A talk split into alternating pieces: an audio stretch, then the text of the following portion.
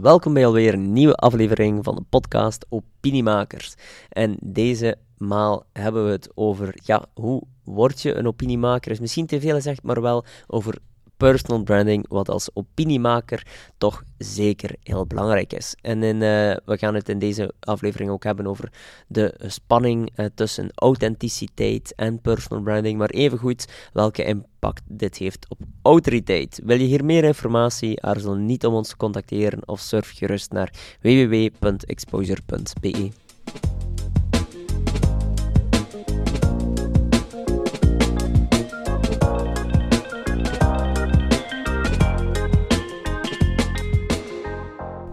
Gaven we een workshop over um, personal branding. En uh, ik vroeg me nu af, waar trekt je de grens tussen uh, echt jezelf zijn en, en conformeren aan de norm? Ja, dat is uiteraard altijd een moeilijke evenwichtsoefening, maar um, ja, misschien eerst en vooral personal branding gaat zeker niet over je anders voordoen dan dat je in hm. werkelijkheid bent. Hè. Dus voor alle duidelijkheid, uh, we zeggen dan zelf ook in onze workshops, um, ja, authenticiteit, wie ben je als persoon? Is de essentie van personal branding. Het is uiteindelijk mhm. personal branding, eh, niet fictieve branding of zoiets. Hè. Maar het is personal branding en wij hebben daar zelf in ons model die we daarvoor ontwikkeld hebben, drie pijlers of drie, drie stappen. En de eerste stap, en zonder al te veel geheimen te vertellen uiteraard, maar de eerste stap is, uh, is, gaat over de persoon zelf. Uh, goed, je kan misschien nog wel de tweede en derde dan ook nog vertellen, gaat over de context en de doelen. Maar uh, de eerste stap gaat dus over de de, de persoon zelf. En dan gaan wij eigenlijk echt gaan zoeken van oké, was, die, was het authentieke verhaal van die persoon? En het gaat dus niet enkel alleen uh, over de context, want dat is wat je terecht zegt, Kevin, dat gaat dan wel over conformisme. Mhm. en, je doelstellingen ook, want je moet daar inderdaad wel die evenwichtsoefening gaan vinden tussen, oké, wat kan ik doen om mij te positioneren en wat is mijn authentiek verhaal? En het is die evenwichtsoefening dat je moet, moet bewaren. En dat, dat verschilt van persoon tot persoon. Mhm. Ja, oké. Ehm, ja, men zegt wel dat, dat een, een, persoon of een man in maatpak meer vertrouwen uitstraalt dan, dan iemand met een leren jas en een wild kapsel bijvoorbeeld. Maar klopt dat wel? Want een man in een maatpak boet op zich toch wel een beetje in aan authenticiteit door zich op die manier te conformeren aan de mensen rondom zich. Um, dat weet ik niet zozeer. Ik denk als je in een context zit, bijvoorbeeld in de financiële sector, bijvoorbeeld in mhm. de bankensector, en uh, je, gaat daar een, uh, ja, je gaat daar gewoon op foto continu in maatpak, dan denk ik niet dat je daarvoor mm je expliciet conformeert. En er is op, by the way, niets verkeerd met je conformeren aan, aan een hm. bepaalde groep. Ja, als je je daar goed bij voelt, kan een heel, heel sterk je authentiek verhaal zijn. Hè. Ja. Je, ja, je hebt daar ook weer een evenwichtsoefeningen. En daar, daar opnieuw, bijvoorbeeld naar de politiek, laten we even een bruggetje maken naar de politiek. Hm. En je hebt in de politiek ook heel veel verschillende stijlen, meer en meer. Hè. Vroeger was het veel meer het traditionele maatpak-verhaal. Uh, blauw pak, bruine schoenen, uh, bij wijze van spreken. Maar vandaag, als je kijkt naar bijvoorbeeld een Conor Rousseau, ja, dan denk ik niet dat hij het, het meest uh, uh, maatpak uh, mm. variant van de politicus is. Hè. Dus, en je ziet dat ook bij, bij andere jongere politici, dat ze steeds meer afwijken van het, um, van het traditionele politieke uiterlijk. Ja. En, maar daar ook weer, als je kijkt naar een, bijvoorbeeld de voorzitter van Vooruit, Conor Rousseau, dan is het net zijn positionering mm. om atypisch politiek te zijn. Ja. En, en dat is dan je afzetten van de norm. Maar je hebt dan ook weer politici, ik denk dan aan een, bijvoorbeeld een Alexander de Croo, die net veel meer zakelijke, de premier dus, veel meer dat zakelijk wil uitstralen. Mhm. Ja, als die plots op zijn sneakers toekomt uh, bij de koning, dan gaat dat helemaal niet authentiek aanvoelen, inderdaad. Ja. Hè. Dus dat scheelt van persoon tot persoon. En wat ook is, wat ook de, ja, de meerwaarde en de USP is van die persoon. USP mhm. is zo'n dwaas marketingterm uiteraard. Maar het is wel belangrijk, hè, want als je aan personal branding doet, doe je dat met een doel. En het doel met personal branding is ofwel je persoonlijk merk, um, waar, je persoonlijk merk een bepaalde waarde geven, of je gaat je persoonlijk merk gaan inzetten om je bedrijf meer waarde te geven. Mm bijvoorbeeld een, um, een is wel een, een personal brand, sterk personal brand, maar is uiteraard ook een brand voor zijn investeringsfonds en voor de bedrijven waarin hij actief is. Want als bijvoorbeeld uh, investeert in een bedrijf, dan gaat dat gewoon door dat bedrijf al aantrekkelijker lijken, omdat de personal brand van Mark Koeken daarin investeert. Dus zelfs met Warren Buffett, die is in de financiële sector, in de financiële markt, zo zo'n sterk personal brand, dat heel vaak als Warren Buffett zegt, ik ga hierin investeren, of ik ben van plan om hierin te investeren, mhm. dat de marktwaarde van dat bedrijf gewoon al stijgt door de personal brand van Warren Buffett.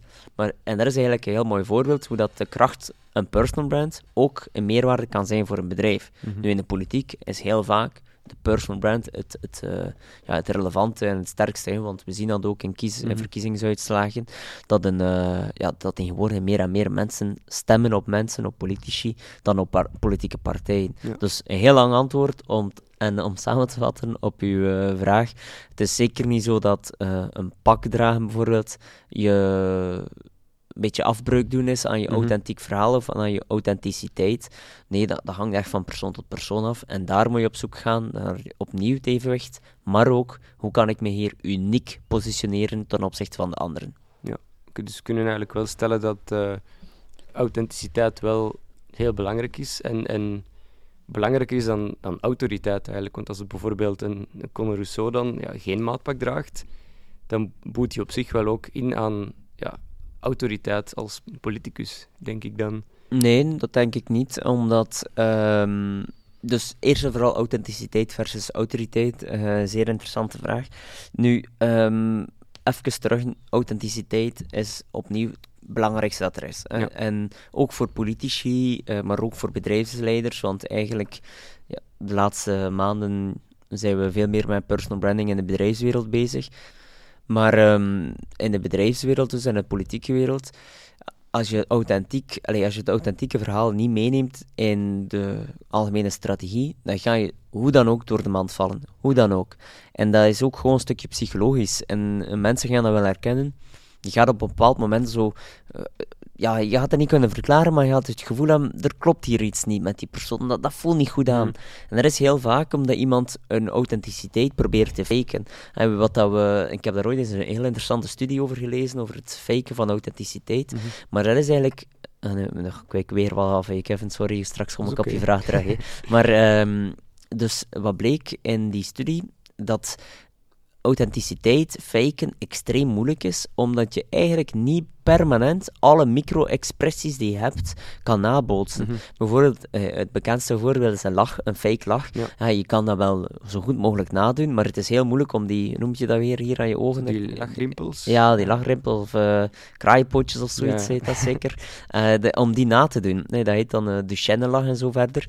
Dus dat is heel moeilijk om na te doen. En je kan dat wel een keer een 10 minuten proberen na te doen en een keer een uur, maar je kan dat nooit 24 op 7 uh, mm faken.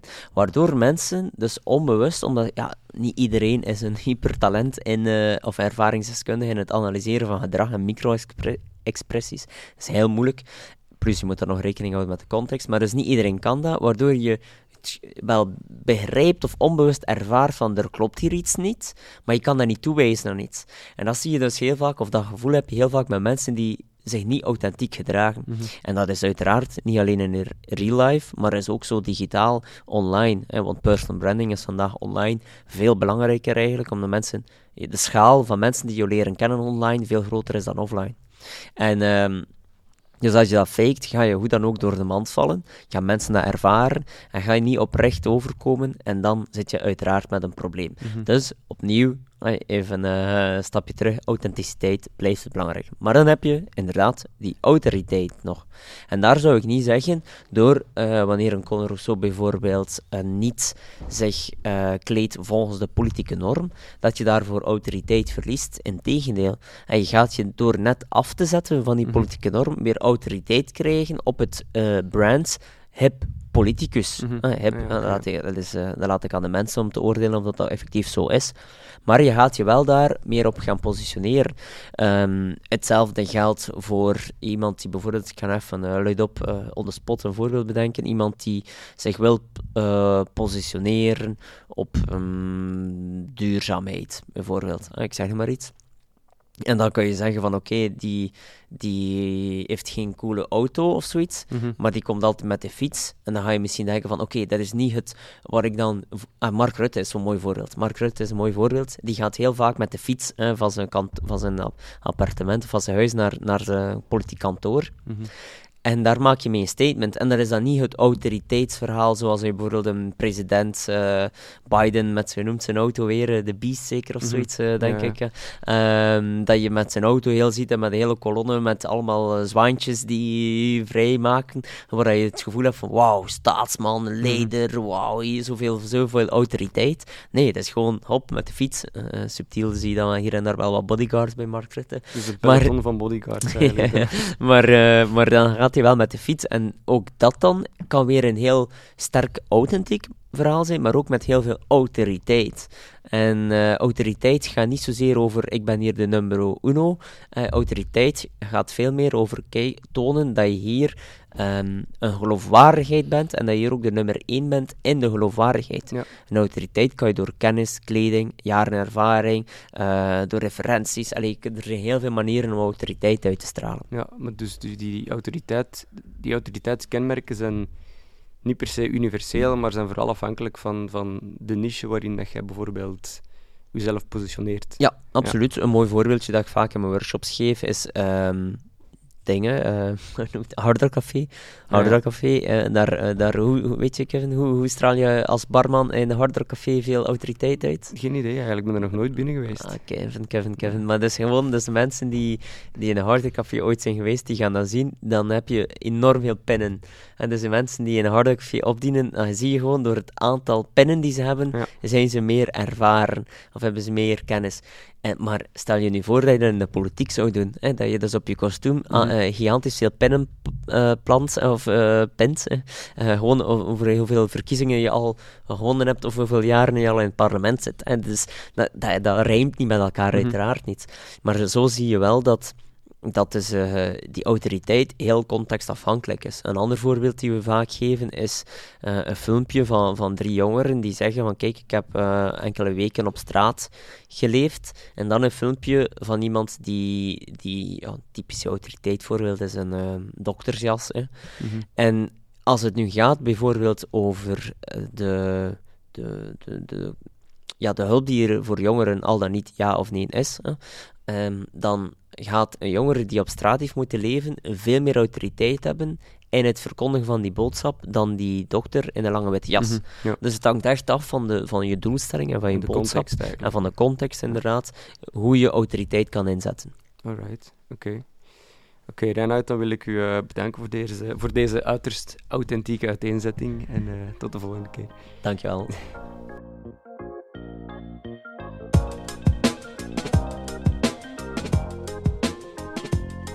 Zoals Kevin zei, dit was het voor vandaag, onze authentieke uitleg over personal branding. Wil je hier meer informatie over? Ga zeker eens naar www.exposure.be, want daar vind je onder andere een gratis e-book over personal branding. Dus ga gerust eens eh, online kijken en download en je zal nog wat meer voorbeelden krijgen.